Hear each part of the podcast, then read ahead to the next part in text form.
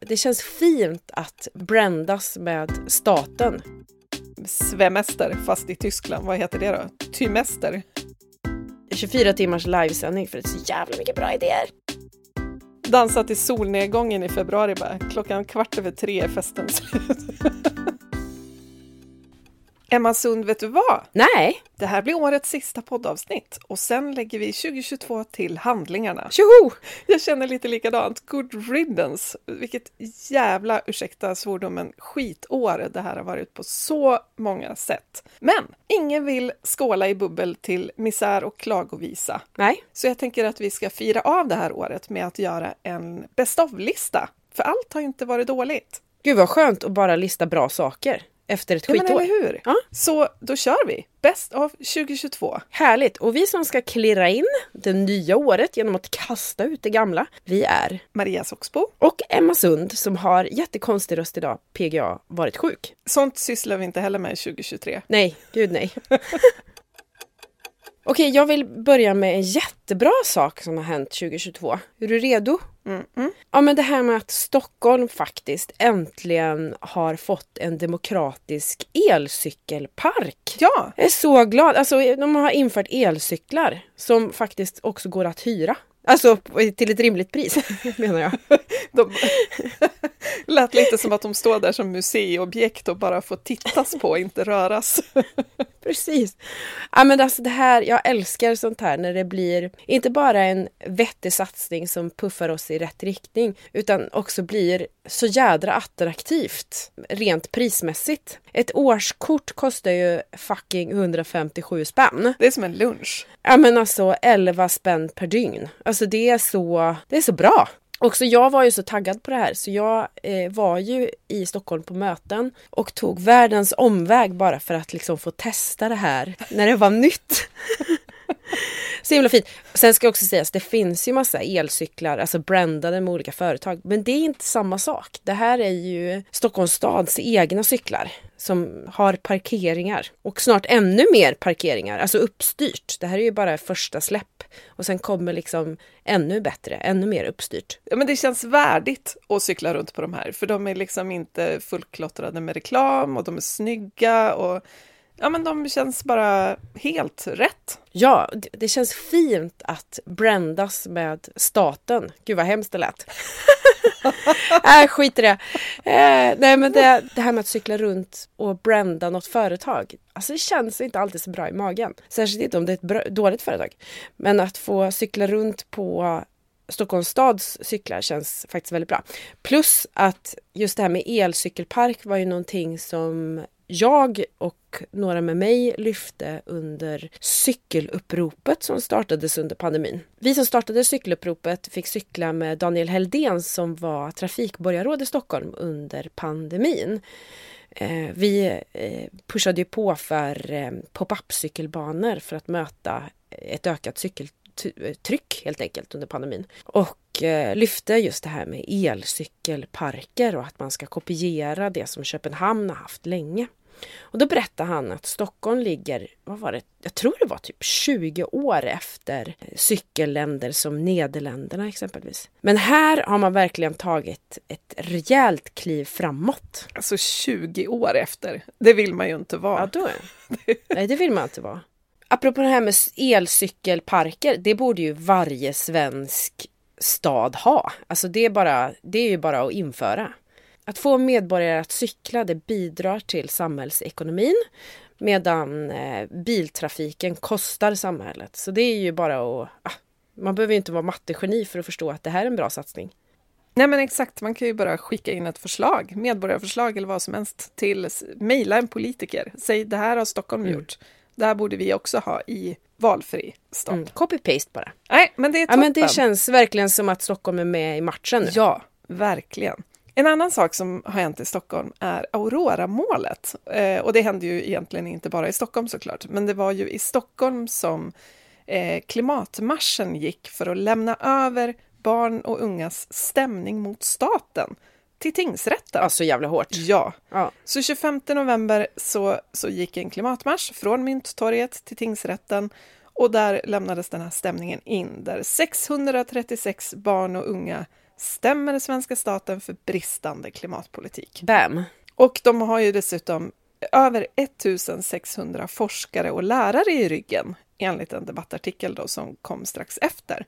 Så det här måste ju leda till bra saker. Det här, är ju, det här går ju liksom inte bara att vifta bort, utan det här är på riktigt. Och det här har ju hänt i andra länder också.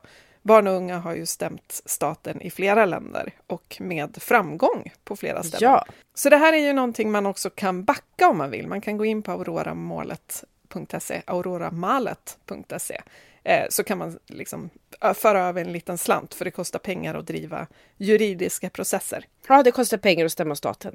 Ja, det borde vara subventionerat av staten. Ja, verkligen. ja, men det är en bra grej i alla fall. Den ger hopp, tycker jag. Verkligen. Så många grymma barn och unga. Tack för det. Inte för att ni ska behöva stämma staten och städa upp för vad vuxenvärlden har ställt till det. Men ja. Nej men precis, och det är därför vi vuxna också ska pitcha in pengar, ja. tänker jag. För det ska inte barn och unga behöva stå för. Okej, får jag lyfta en influencer? Ja, det får du. Härligt. Då vill jag lyfta Therese Lindgren som införde en ny samarbetspolicy som var väldigt eh, nydanande måste jag säga. Hon gick ut med en policy där hon bland annat slutade göra reklam för fast fashion. Ja men sånt viktigt och bra statement från en influencer apropå att vi är flockdjur, vi gör som alla andra. Och det produceras ju 100 miljarder plagg per år och vi använder fast fashion i snitt, vad är det, sju gånger innan vi slänger det. Och det vill inte hon bidra till och det tycker jag är ja, fantastiskt att en så stor influencer går ut och bara sätter ner foten. Och det fina med, med Therese policy var ju också att hon faktiskt tänkte att den här skulle kunna kopieras av andra influencers. Att hon vill att det här liksom ska ge ringar på vattnet så att fler och fler tar avstånd från risiga företag. Mm. Eh, så det man kan göra som följare och läsare av andra influencers är ju att faktiskt peppa dem att kopiera den här policyn och ta avstånd från ohållbara företag och gynna bra företag. Så det här är ju liksom en copy with pride också. Ja, för det här sätter ju verkligen press på företag. Om det inte finns någon influencer som vill marknadsföra deras produkter, då blir det svårt. Precis. Då måste de faktiskt skärpa sig. Ja, men exakt. Så det här är ju någonting som, som inte bara influencerbranschen utan också alla följare kan medverka till genom att berömma när det är bra samarbeten och liksom på ett vänligt och konstruktivt sätt säga att det vore bra om de tog avstånd från sämre samarbeten. Mm. Svinbra! Nu blir det lite egen reklam för ideell förening.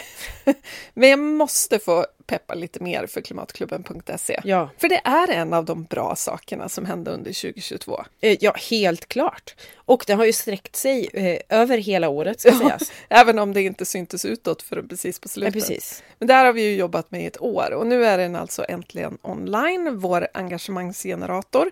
Och nu hoppas vi att den används som av bara Satan under 2023. Att liksom alla tar inspiration från medborgarförslag och hittar bra idéer för att påverka på jobbet och peppar sin kommun att gå före och fixar klädbyten och loppisar och hej och hå. Mm. Allt möjligt. Och kopiera vad som görs i andra länder och regioner och kommuner. Ja men precis, för det här är ju verkligen tänkt att vara en, en sajt som ska användas. Eh, så att lilla to-do här till alla som lyssnar är att gå in och kolla och sen gärna dela, dela, dela. För ju fler vi når med den här sajten, desto fler kan ju också börja agera med hjälp av den.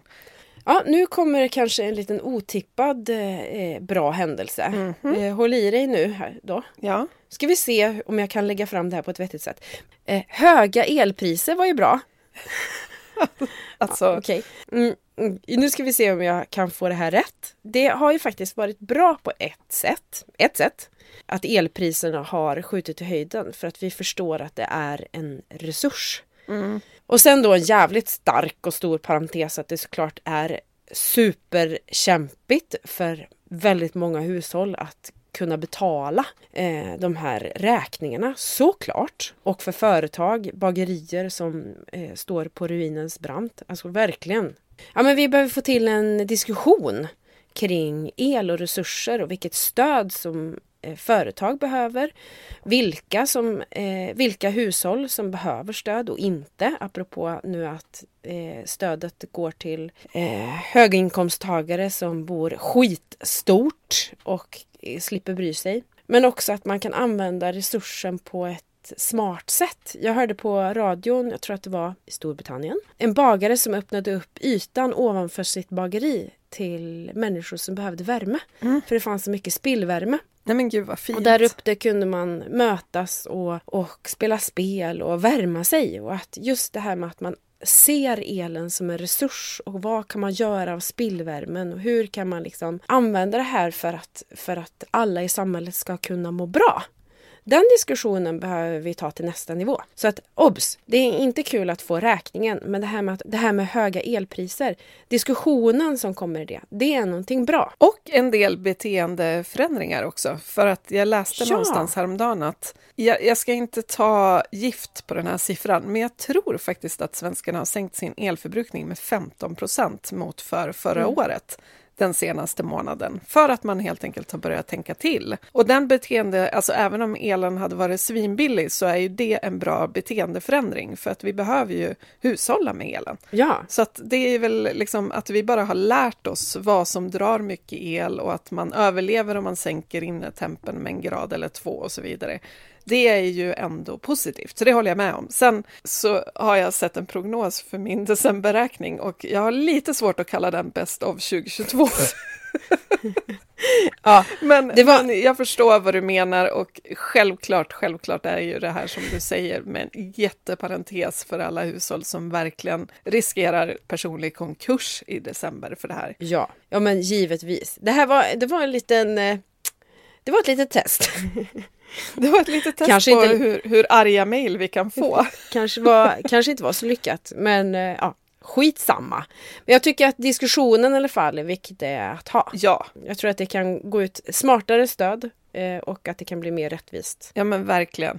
Den kalla halvan av landet kan ju till exempel också få stöd kan man tycka med tanke på att de faktiskt behöver värma sina hus mer. Ja, men eh, SVT-reporten som gjorde dammsugarinslaget som fick så jävla mycket skit. Han har garanterat fått upprättelse. Ja, vi går vidare.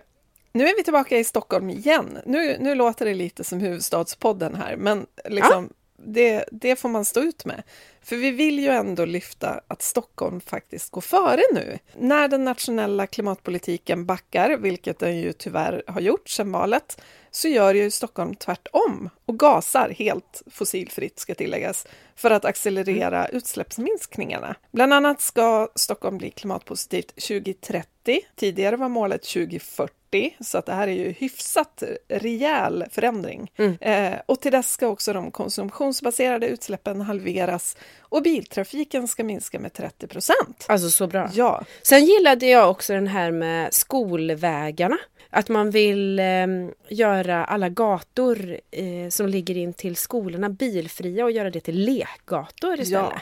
Alltså himla bra. och det här är ju bara några av förslagen. Det finns ju en hel plan Ja. med massor av förslag på hur Stockholm ska liksom steppa upp på alla fronter. Och det här är ju, det här är ju en, en del av ett maktskifte som skedde åt andra hållet i Stockholm. Och även i Göteborg så lägger man ju ribban högre än regeringen gör. Eh, så det här är ju lite som, jag tänker när Trump var president i USA och han valde att lämna Parisavtalet, because that's how he rolls, eh, så var det ju faktiskt flera delstater som sa att det spelar ingen roll, vi kommer ändå vara en del av Parisavtalet även om Alltså, vi inte har det på bra. papper. Det vill säga, de skulle jobba på för att nå klimatmålen precis som det var tänkt. Eh, skitsamma vad Trump säger. Så det här är ju en, en, lite så känns det ju i Stockholm och Göteborg och säkert i fler kommuner också. Mm. Att även om den nationella klimatpolitiken går åt helt fel håll så finns det liksom regioner och kommuner som bara tänker att nej men det här är ju inget snack. Det är klart vi fortsätter på inslaget spår. Så det här kan man ju också liksom tänka på att man försöker pressa på lokalt för att den lokala politiken inte ska gå åt fel håll bara för att den nationella gör det. Vi, alltså, vi har ju kastat en hel del skit på Stockholm genom åren. Japp. Men kanske är det så att de snart, de säger jag nu, staden snart kvalar in för ett eget avsnitt. Precis som att vi gjorde ett avsnitt om Frankrike. Ja men verkligen, för det här skulle göra så bra saker. Att Stockholm skulle liksom visa vägen. Mm. Apropå Trump så vill jag lyfta ytterligare en sak som har gått i, åt rätt håll. Mm. Det här liksom touchar lite medias roll när det gäller eh, ja, sin roll i samhället helt enkelt. För New York Post gjorde en lite gullig grej eh, under midterm election nu i höstas. Eh, nämligen då Trump som eh, vill åter till makten och hur de totalt pulveriserade hans, hans liksom steg, eller återtåg in i politiken. Istället för att liksom trycka upp på första sidan om att Trump eh, ska åter till makten och ge liksom Trump-anhängarna vatten på sin kvarn men så skrev man eh, som en liten notis på första sidan att Florida man makes announcement. Man nämnde inte ans, ens hans namn och beskrev honom som att eh, en, en, pensionär som ska liksom ge sig in i, i liksom president eh, eh, jakten. ja, men man totalt gjorde honom genom att beskriva honom som en pensionär som ska göra anspråk på presidentposten och att han är liksom en hotellmagnat som är eh, känd för att avskeda folk i, i tv och som vill eh, som, och som kommer bli 78 år 2024. Alltså de, man, New York Post eh, slaktade bara hans försök att återta presidentskapet på ett så brutalt sätt. Jag gillar också det där med a Florida retiree made the surprise announcement. Det låter liksom som att en lite tossig pensionärsfarbror bara tittade ja. fram och sa förresten, jag vill också bli president. Ja.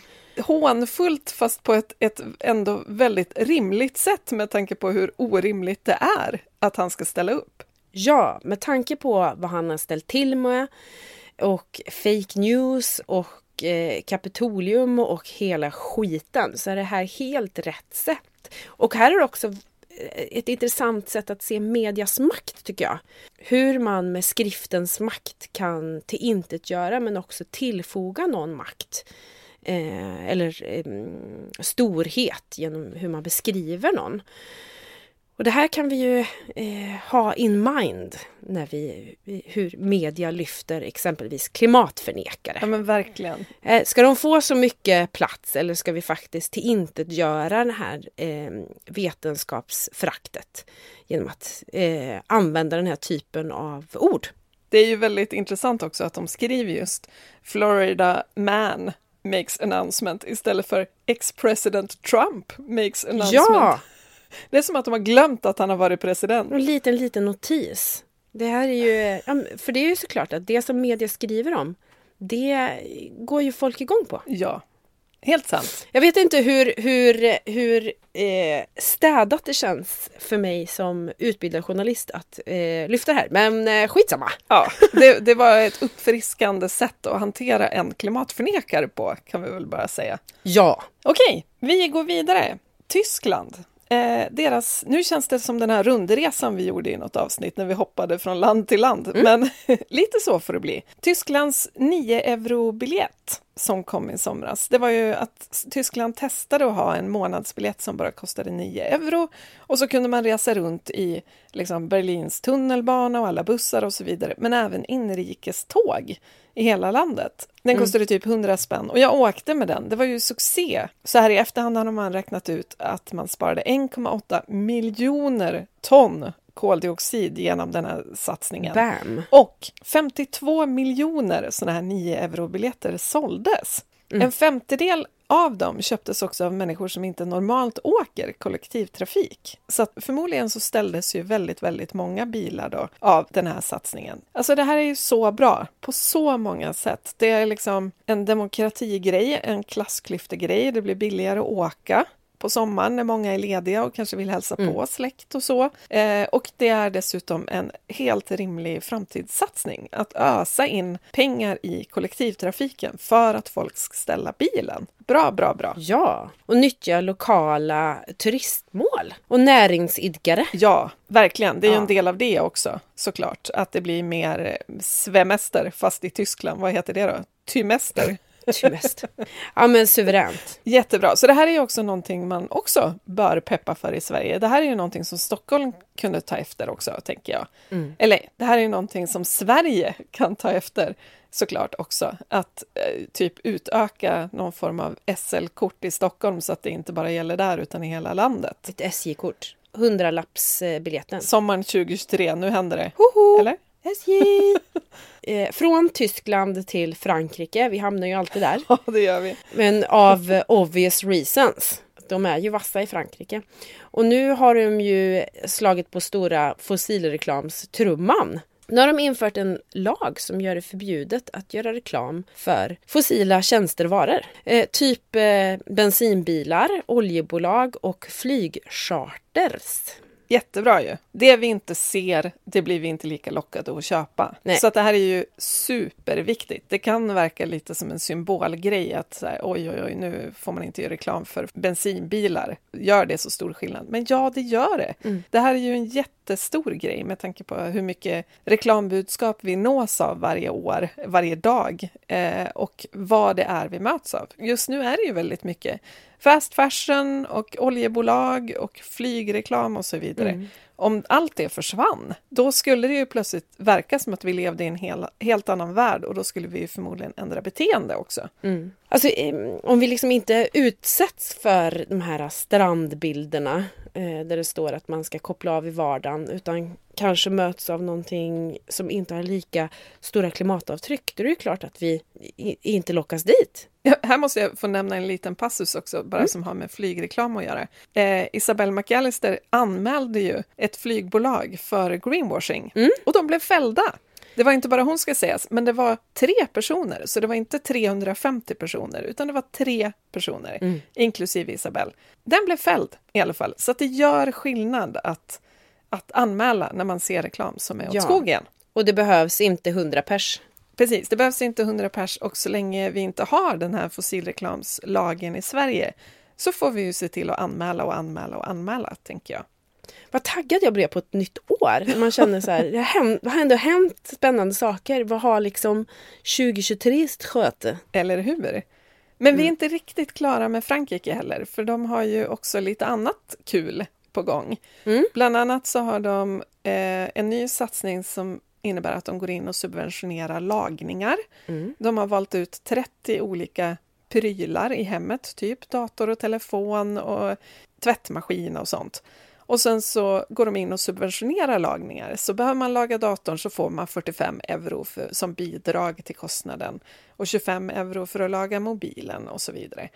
Det här går alltså rakt i motsatt riktning mot vad Sverige gör som precis höjer momsen på lagningar för att det ska bli mindre attraktivt att laga. Alltså det är inte därför de gör det utan de vill ha en enhetlig moms. Varför det nu är viktigt, det vet ingen. Men eh, ja, det går åt fel håll i alla fall. Och i Frankrike gör man tvärtom. Och sen har de ju också dessutom en ny bestämmelse att alla parkeringsgarage med plats för 80 bilar eller mer måste ha solpaneler på taket. Och oavsett om de är byggda liksom 1952 eller 2023 så måste man sätta solpaneler på taket. Fantastiskt ju! Vive la France! Heja Frankrike, som vanligt. Det blir säkert ett nytt Frankrike-avsnitt under 2023. Kanske på plats. ja, Nej just det, vi ska dit 2024. Emanuel. just det, när det är OS. Känns så jag. Ja, men okej, nästa punkt då. Eh, ark. Och det här vet jag faktiskt inte riktigt hur väl det har nått ut till allmänheten. Men det här tycker jag är spännande. Under 2022 så skapades något som heter Allians för rättvis klimatomställning. Förkortat ARK. Förkortat ARK, precis. Mm. Eh, inte förkortat Alliansen, för det förknippar vi med andra saker. ARK alltså. Och det här är liksom civilsamhället som organiserar sig storskaligt och krokar arm med varandra. Och ju fler som ansluter, desto större press kan den här Alliansen för rättvis klimatomställning då sätta på politiken till exempel. Så just nu är allt från Greenpeace och Naturskyddsföreningen och Klimatklubben, det vill säga en massa, massa miljöorganisationer, till typ Sametinget, Vårdförbundet, Hyresgästföreningen, Handelsanställdas förbund och så vidare. Det vill säga, det är facket, det är diverse liksom, branschorganisationer. Jag tycker det här är jättemäktigt, för det här är mm. ju det är väl det som har varit lite grann problemet, tänker jag, med miljö och klimatrörelsen, att man jobbar i, i silos, stuprör liksom. Att mm. på ett ställe står miljöorganisationerna och kräver saker, på ett helt annat ställe står fackförbund och säger något annat. Och sen så, så får man liksom inte hävstång i det. Men det här är ju en jättebra grej, tänker jag, och som fler och fler kan ansluta sig till så att det bara blir en snöboll som växer och till slut går det inte att ignorera den. Så mm. det här är ju supermäktigt, eller hur? Ja, ja det är verkligen ja, mäktigt. Mäktigt, ja, precis. Och är man då med i ett fackförbund som inte... Man kan ju gå in på ark-sverige.org eh, och så kan man se vilka organisationer och så vidare som är med. Och om man då är med i ett fackförbund som inte är listat här så kan man ju helt enkelt höra av sig till facket och se varför är inte ni med här? Så sätter man liksom lite press. Och likadant om mm. man är med i en annan stor organisation eller någonting sånt som borde kunna vara en del av det här. Så peppa dem att ansluta sig. Ja! eh, otroligt stark eh, sparringpartner då idag. ja! Ja, men vi har ju lyft Stockholm och Göteborg. Men det finns ju många andra kommuner och städer och platser som faktiskt går i bräschen för eh, omställningen.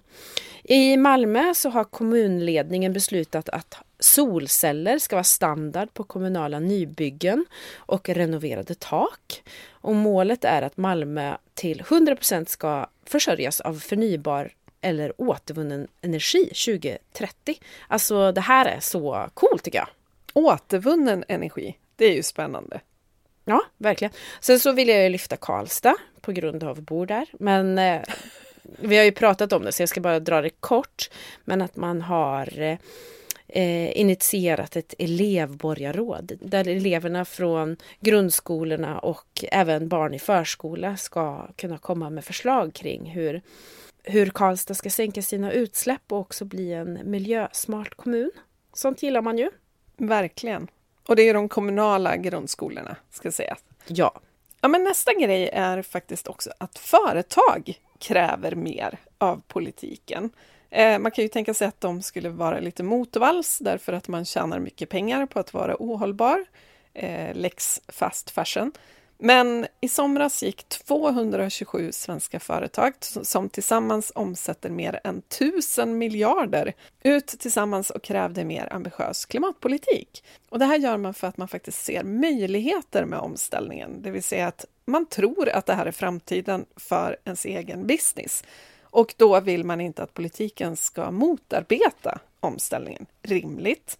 Så att man vill ha tuffare regleringar, det gör ju nämligen att konkurrensen blir rättvis. Och så vill man ha incitament att sänka utsläppen, att det ska finnas styrmedel som hjälper till snarare än ställer till det och så vidare. Så att det här är ju en...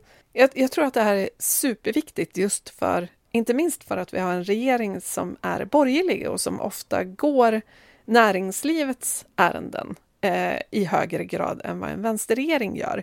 Och då är det ju hur bra som helst att näringslivet pressar på för att klimatpolitiken ska bli mer ambitiös.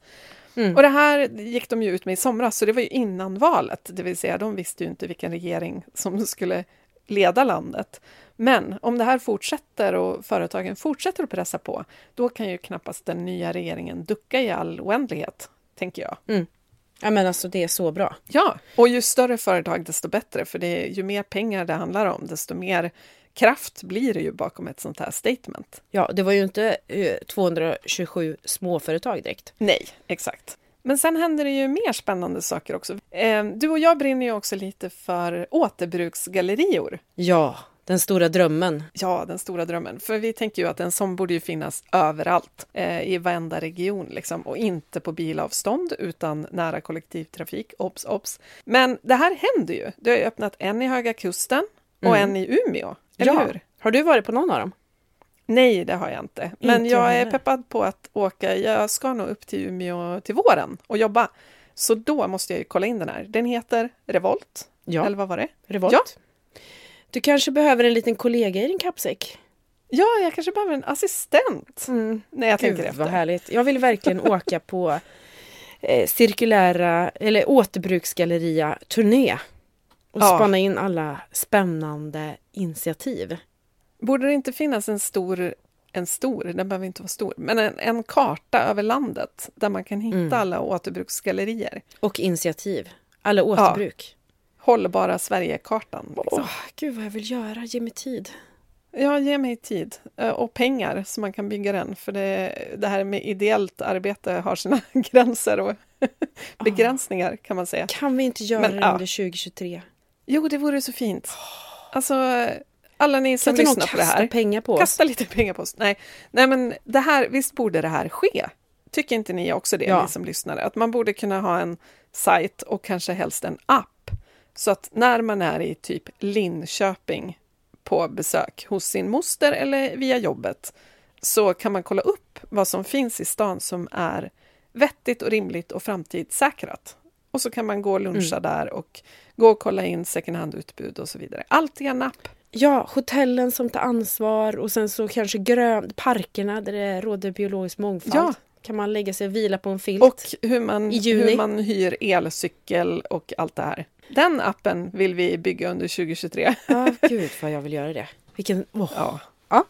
Åh, våt dröm. vårt rum. Ja. ja, men vi har en grej kvar på listan. Ja. Jo, det här är faktiskt sprillans nytt. Det kom ut för typ en vecka sedan. EU är överens om en banbrytande lag för att stoppa avskogningen. Oh. Fanfar! Eh, Det här är världens första lag av det här slaget och den innebär att EU inte längre tillåter produkter som bidragit till avskogningen. Det vill säga, det kommer inte gå att köpa soja som bidragit till att regnskogen har skövlats för att man ska sätta upp sojafält någonstans. Det går inte att köpa i EU snart. Alltså snacka om eh, effektiv lag förhoppningsvis. Alltså det låter ju bra Ja, förhoppningsvis. Precis, för det här ska ju liksom, det gör det ju lättare att göra rätt för konsumenterna för att man ska inte riskera att köpa någonting som har bidragit till, av, till skogsskövling. Och det sätter ju också jättepress på företag världen över för att ta ansvar, för nu försvinner liksom EU-marknaden och det är ju ingen liten marknad. Mm. Kaffe, soja, nötkött, allt sånt kommer ju då inte kunna serveras på restauranger och inte kunna säljas i butik om det inte är producerat på ett rimligt och vettigt sätt. Mm. Eh, och det här gäller ju inte bara mat utan det gäller också träprodukter såklart, att det inte ska vara sånt som har bidragit till avskogning. Och även typ gummi är ju också en, en produkt som kan vara kopplat till skogsskövling. Så det här är ju jättemäktigt. Det är inte en perfekt lag, ska sägas. Jag vet att miljöorganisationer har kritiserat lite för att det borde ha varit mer typ skogsskydd inbakat i lagen också. Men det är i alla fall ett jätte, jättestort steg i rätt riktning Mm. och det känns ju toppen tycker jag. När Sverige backar så går EU framåt och det tycker jag ändå känns bra. Mm. Jag tycker, för att lyfta en sista grej och det är en bra sak som har hänt 2022 det är att det här med rewilding har kommit upp på ytan. Ja, det här är spännande. Det handlar alltså om att åter... vad, hur översätter man? Återförvilda naturen. Eh, för att en vild natur eh, är resi- resistent. Vi behöver liksom inte gå in och pilla och dona för det är då det blir fel. Exakt. Nej, jag tycker det här är jättespännande. Eh, det här kanske vi också ska göra ett avsnitt om. Ja, det finns en, Ja. en em, dokumentär i flera delar på SVT som tar upp det här Mm. med Anders Lundin. Mycket spännande. Ja, eh, kolla på den så ska vi snacka mer om det här under 2023, tänker jag. Vi måste också säga någonting kort om vad som har hänt på det personliga planet, tycker jag. Vad är bäst av 2022 för dig? Ja, men det har varit ett skitår, men ändå många ljusglimtar. Jag har lärt mig mycket det här året. Jag har fucking byggt ett hus. Inte själv dock, så jag kan inte ta åt mig hela äran.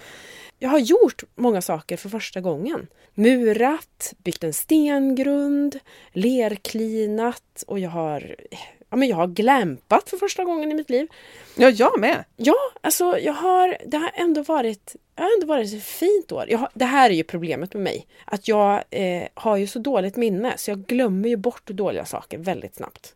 Varje gång man gör något för första gången eller något som var extra härligt Mm. så borde man bara skriva upp det på en liten lapp och stoppa det i en burk. Och Ja. Sen öppnar man burken i slutet på året och läser om allt härligt man har gjort. Ja, faktiskt. Det tror jag vore peppigt faktiskt. Det ska jag göra.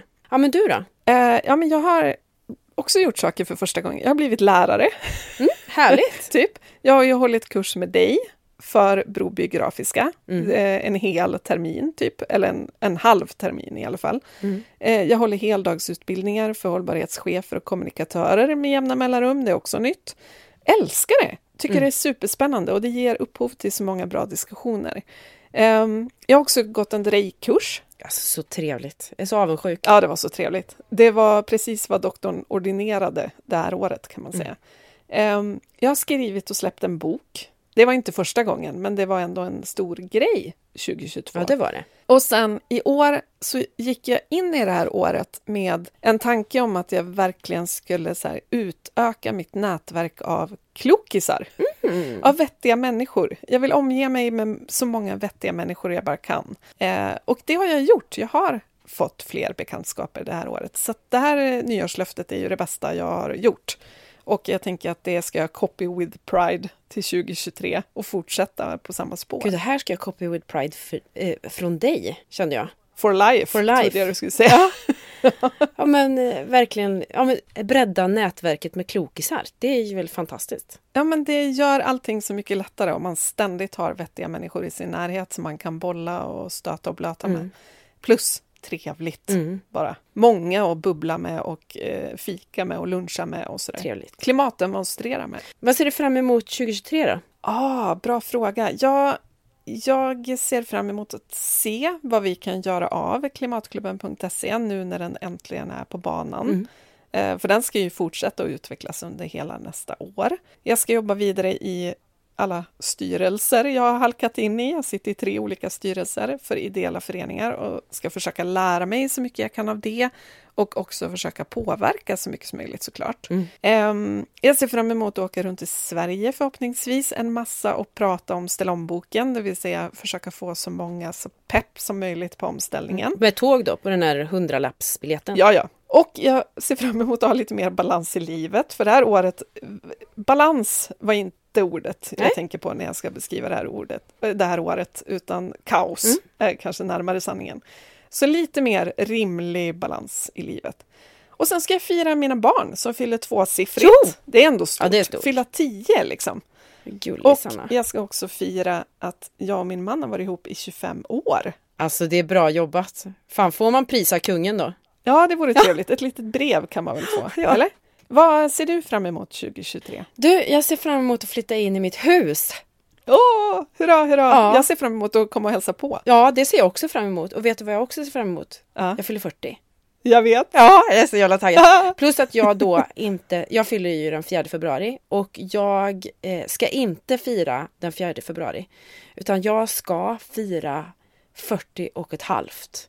Vilket betyder att jag ska ha stor jävla fetfest i augusti. Hurra! Det här, Trevligare väder liksom, ja, i jag, augusti. ja, jag firade ju inte heller min 30-årsdag utan firade 30 och ett halvt. Eh, så att det här är, det är, så, det är så jag jobbar. Jag måste kopiera det här. Jag fyller ju år i mars. Det är Ja, det är fasen inte- inte, muntert Det heller. är inte muntert. Vi Nej, Kopiera varann. With pride. Ja, och dansa, eh, upp, eh, dansa till solnedgången. Eh, dansa till so- soluppgången, det vill man ju. Och skrika sig hes vill jag göra. Dansa till solnedgången i februari bara. Klockan kvart över tre är festen slut. Fan vad deppigt. Det blir en Ja. eftermiddagsfika. Nej men sen så fyller faktiskt min mormor 100 bast och då får man fan Oh. brev från kungen. Ja, det är ju mäktigt. Ja. Wow! Mäktigt, mäktigt. Ja, men alltså, nu känner jag ändå, nu har vi gjort två peppiga avsnitt på raken. Det är ändå, nu är det medvind. Ja nu är det medvind. Nu Mitt bara, emot vinden är det medvind. Ja nu bara kör vi. Och jag tänker också att, att vi ska gå in allihop i, i nästa år med en jävlar anamma-känsla. Mm. Att man bara ska känna att ja, men nu kavlar vi upp, nu gör vi allt vi kan på alla arenor vi har tillgång till, på jobbet och i skolan och liksom i föreningslivet och i kommunpolitiken. Alla, alla arenor vi kan komma på. Det är inget valår nästa år, utan man får hugga i i vardagen mm. helt enkelt. Och det kan man ju. Det finns jättemånga sätt att göra det på. Så att jag tänker att vi ska låta 2023 präglas av action. Ja, jag ser fram emot också att eh, kopiera en jädra massa goda eh, initiativ från andra länder och kommuner och regioner. Ja. Alltså om, om 2022 ändå kunde eh, kokas ner till eh, en, en podd av goda idéer så borde ju 23 kunna maximera det med råga, tänker jag. Nästa år gör vi en podd som är ännu bättre än den här. Alltså en, ett avsnitt om vad som har hänt 2023 som bara är så här wow. 24 timmars livesändning för det är så jävla mycket bra idéer. Exakt. Ja men gott nytt år på det då. Gott nytt år, nu börjar min röst ge vika. Så nu måste vi sluta. Ha det så himla fint allihopa så hörs vi igen 2023. Och tack för att ni har lyssnat. Och tack för dig Maria. Och tack för dig Emma. Ja. Det har varit ett fint poddår. Ja det har det. Hej då! Hej!